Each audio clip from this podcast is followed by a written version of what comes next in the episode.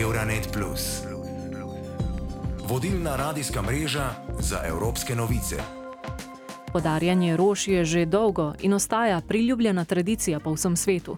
Rože so eno izmed najbolj pogostih daril, s katerim razveselite nekoga v bolnišnici, se zahvalite za povabilo na večerjo in ne nazadnje izpoveste ljubezen. Pa je odločitev o nakupu rezanega cvetja in uvoženih šopkov tudi zelena. Ob Valentinovem so se novinarji Euronet radijske mreže tako srečali s cvetličarji po vsej Evropi, da bi izvedeli več o cvetoči industriji cvetja v EU.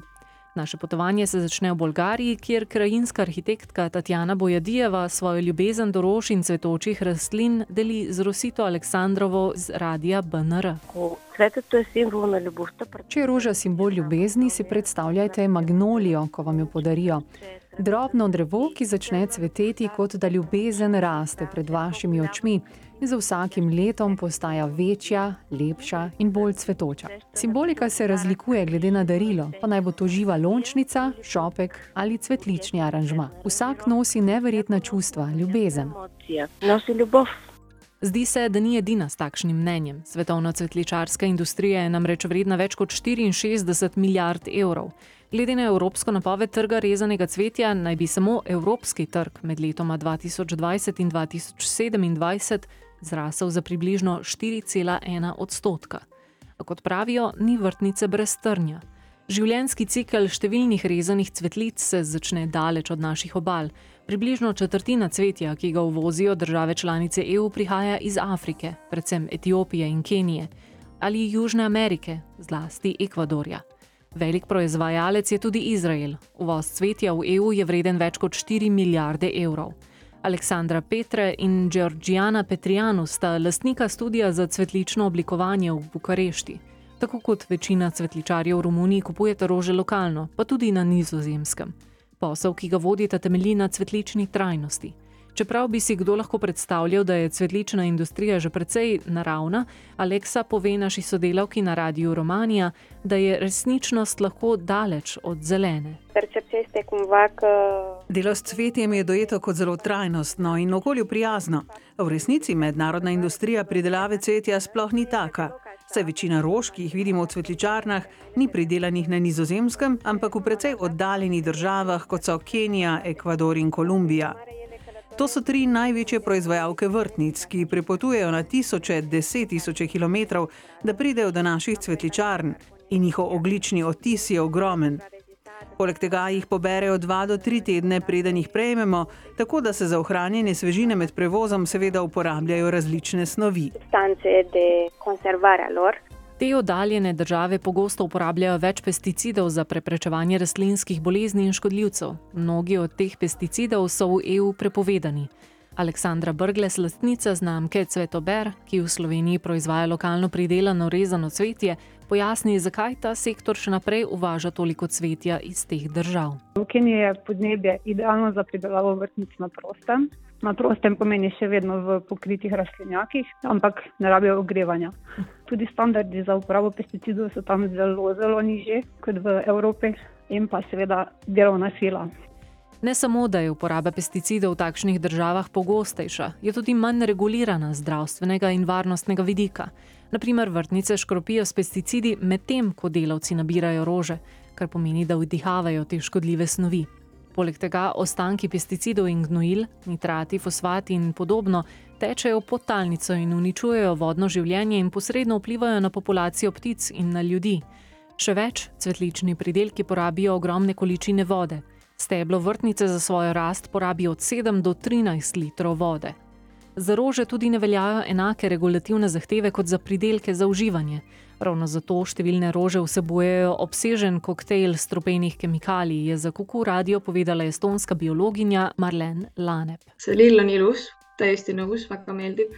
Rože so lepe, se popolnoma strinjam. Toda rože niso namenjene uživanju, zato imajo drugačne predpise glede naprimer uporabe pesticidov. Torej, lahko podarite lepo rožo, vendar je na njej dejansko veliko stropenih kemikalij, ki lahko vplivajo na zdravje cvetličarja in obdarovanca. Teh sto čudovitih vrtnic lahko dejansko škodi osebi, ki jih podarite. V Belgiji so našli v povprečju deset aktivnih snovi na šopek rož. tako da morda to ni najlepše darilo. ütleks, et see just kõige meeldivam kingitus selles mõttes saaks olla. Pravzaprav je bilo ugotovljeno, da en sam cvetlični šop vsebuje do 100 različnih učinkovin. Tako pravi belgijski strokovnjak Bruno Schiffers, ki je izvedel štiriletno študijo o strupenih ostankih najdenih na cvetju, ki se prodaja v Belgiji in njihovi možni povezavi s kožnimi in hormonskimi težavami ter rakom med cvetličarji. Šifer se je pogovarjal z Mirjam z francoskega RTBF. Pojasnil je, da so v vzorcih vsega sveta odkrili izredno velik nabor različnih aktivnih snovi. 100 so jih našli na vrtnicah, okoli 30 pa na gerberah in isto število na krizantemah. Na rezanem cvetju, ki prihaja iz Ekvadorja, do 60 različnih učinkovin na enem šopku petih vrtnic. Dejstvo je, da nič ne prepoveduje ostankov snovi na rožah, za ostanke ni najvišje meje in glavni vpliv teh je na zdravje cvetličarjev. Naša študija kaže, da pesticidi, ki so prisotni na rožah, prehajajo v telo cvetličarjev, saj smo te snovi in njihove metabolite našli v urinu cvetličarjev. Med kontrolno skupino, navadnimi državljani in skupino cvetličarjev je bila občutna razlika. Entre le groupe contrôle et le groupe des fleuristes. Evropske institucije trenutno revidirajo direktivo o trajnostni rabi pesticidov z namenom doseči trajnostno rabo fitofarmacevtskih sredstev, zmanjševanjem njihovih tveganj in vplivov na zdravje ljudi in okolje, ter s spodbujanjem celostnega varstva pred škodljivci. Če tudi odmislimo pesticide, morajo rože, potem ko so pobrane, prepotovati na stotine kilometrov. Njihov prvi postanek v Evropi je pogosto Nizozemska, največje tranzitno središče EU za rože, ali Nemčija, največja uvoznica v bloku. Skozi dražbo cvetja v Alsmerju gre vsako leto okoli 12 milijard cvetov in rastlin. V stavbi velikosti Vatikana se dnevno proda okoli 15 milijonov rož. Mirjam z francoskega radia RTBF je odpotovala na Nizozemsko, kjer se je srečala z Mišelom Vanšijejem, zaposlenim na dražbi cvetja Royal Flora Holland, ki je povedal, da približno četrtino prodanih rož predstavljajo vrtnice. Nederlandse kwekers hebben zich gespecialiseerd- Nizozemski pridelovalci so se specializirali za vrhunski segment vrtnic, torej tiste dražje, rdeče vrtnice, bele vrtnice, tiste z dolgimi pecli, z velikimi pupki. Toda večina vrtnic, številčno gledano, prihaja iz Afrike. In aantal komen uit Afrika. Šije pojasnjuje, da večino teh rož pripeljajo neposredno z evropskih letališč na ta velikanski mednarodni trg s tovornjaki hladilniki. In kmalo jih zapakirajo v več tovornjakov hladilnikov, da jih pošljajo trgovinam in izvoznikom po vsej EU. Vse to hlajenje in gorivo pomeni veliko toplogrednih plinov, tudi ali obstajajo izvedljive alternative za transport cvetja. Sodelavec na Radiu 24 se je pogovarjal z Robertom Pastorjem, lastnikom milanskega podjetja, specializiranega za veleprodajo cvetja in rastlin prek največjega italijanskega trga redistribucije cvetja. Pravi, da obstajajo tudi druge prometne rešitve, vendar nam včasih za nje zmanjka domišljije. Da pochi anni c'è stato un investimento di oltre 300 Pred nekaj leti je bila na voljo investicija vredna več kot 300 milijonov evrov za prenovo trga s sadjem in zelenjavo. Predlagali smo, da bi tovornjakom omogočili prihod iz Nizozemske ali Južne Italije sem z vlakom. Nekoč so bili znotraj zelenjavne tržnice tiri in lahko bi jih spet zagnali. Žal pa pri odločanju ne gledamo vsi v prihodnost, temveč le na tukaj in zdaj. Trajnost se v resnici ne upošteva. considerazione. Kljub temu naj bi se cvetličarski sektor počasi prebujal glede potrebe po strategijah organske pridelave. Razvitih je bilo več oznak, ki potrjujejo, da je bilo cvetje pridelano na okolju prijazen način, z manj, če ne celo popolnoma brez pesticidov, z minimalno porabo vode, z uporabo kapljičnega sistema zalivanja, z zbiranjem deževnice, s filtri za preprečevanje onesnaževanja zraka, z integrirano pridelavo in zatiranjem škodljivcev in okolju prijaznim odstranjevanjem odpadkov.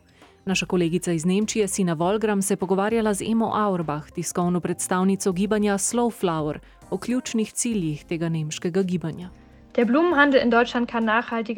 Trgovina s cvetjem v Nemčiji lahko postane bolj trajnostna, če postane bolj regionalna in sezonska. Lokalno pridelane rože lahko zagotovimo brez dolgih transportnih poti in ne potrebujejo dodatnega pakiranja ali dodatne obdelave.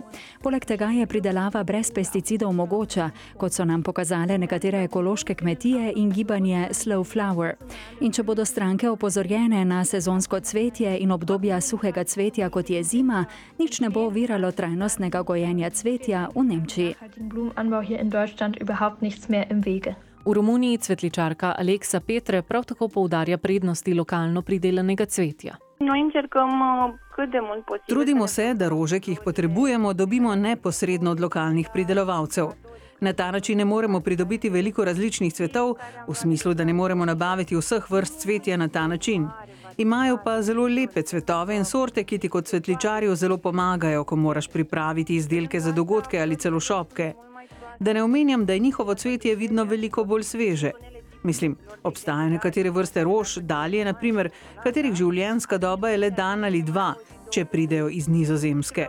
Če bi jih naročili pri lokalnem proizvajalcu in taki proizvajalci obstajajo, bi prišle sveže in bi lahko zdržale deset dni, kar je super. Ekološko zavedno in lokalno gojenje rastlin je torej težje in dražje. Kljub temu pa naj bi bil po besedah Aleksandre Brgles viden trend rasti. Trend se spremenja. V tujini je vedno več teh manjših lokalnih proizvajalcev, predvsem ZDA in pa Velika Britanija so zelo, zelo napredovala pri tem v zadnjih desetih letih. Evropa malo manj, ker Evropa ima pač za veliko konkurenco nizozemsko in njihovo borzo. Ampak vse spremenja počasi na boljše.